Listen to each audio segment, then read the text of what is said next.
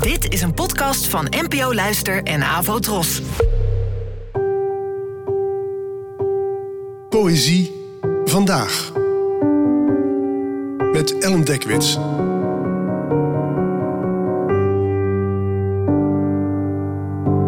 Hallo, fijn dat je luistert. Het gedicht van vandaag heet Steeds zal ik opstijgen en werd geschreven door de Amerikaanse dichteres en schrijfster Maya Angelou, geboren in 1928 en gestorven in 2014. Het werd vertaald door Anna Bergwijn. Steeds zal ik opstijgen. Je mag me kapot schrijven in de geschiedenis, met je bittere, verwrongen leugens. Je mag me vertrappen in de modder, maar nog steeds, zoals stof, zal ik opstijgen. Verontrust mijn onbeschaamdheid je? Waarom ben je bezet met somberte? Omdat ik loop alsof ik oliebronnen heb gulpend in mijn woonkamer?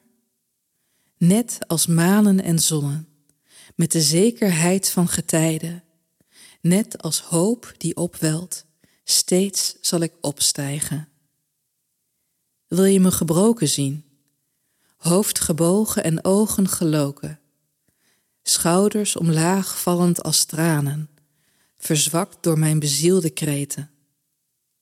Krenkt mijn hooghartigheid je? Vind je het zwaar te verteren dat ik lach alsof er goudmijnen zitten in mijn achtertuin?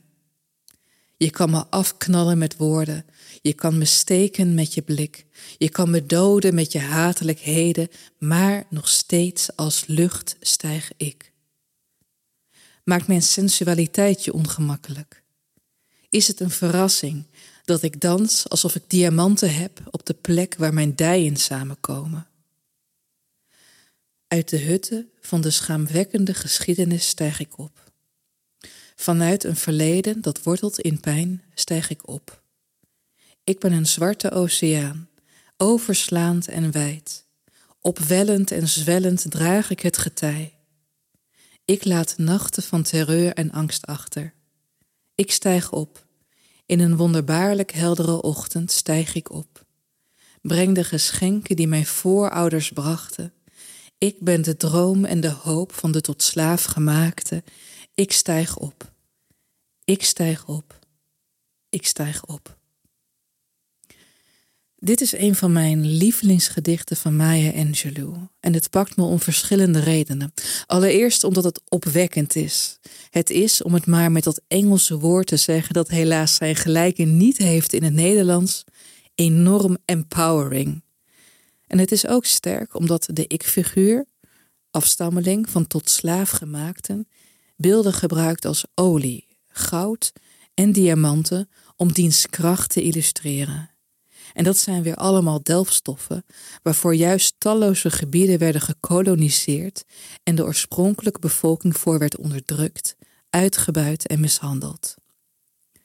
Dat dus zelfs de beeldtaal waarmee iemand zichzelf van kracht voorziet, zijn basis heeft in iets waarvoor bloed vloeide en die kracht dus hard nodig is, maakt het ambigu en vergroot zo de zeggingskracht alleen maar meer. Het is een van de sterkste versen over de slavernij en haar gevolgen die ik ken. En ik wens je een fijne Katie Coty morgen. En dat we, deels met behulp van dit soort gedichten, niet vergeten wat er was, wat er is en wat er doorwerkt. Bedankt voor het luisteren en tot de volgende keer. Afro Tros, de omroep voor ons.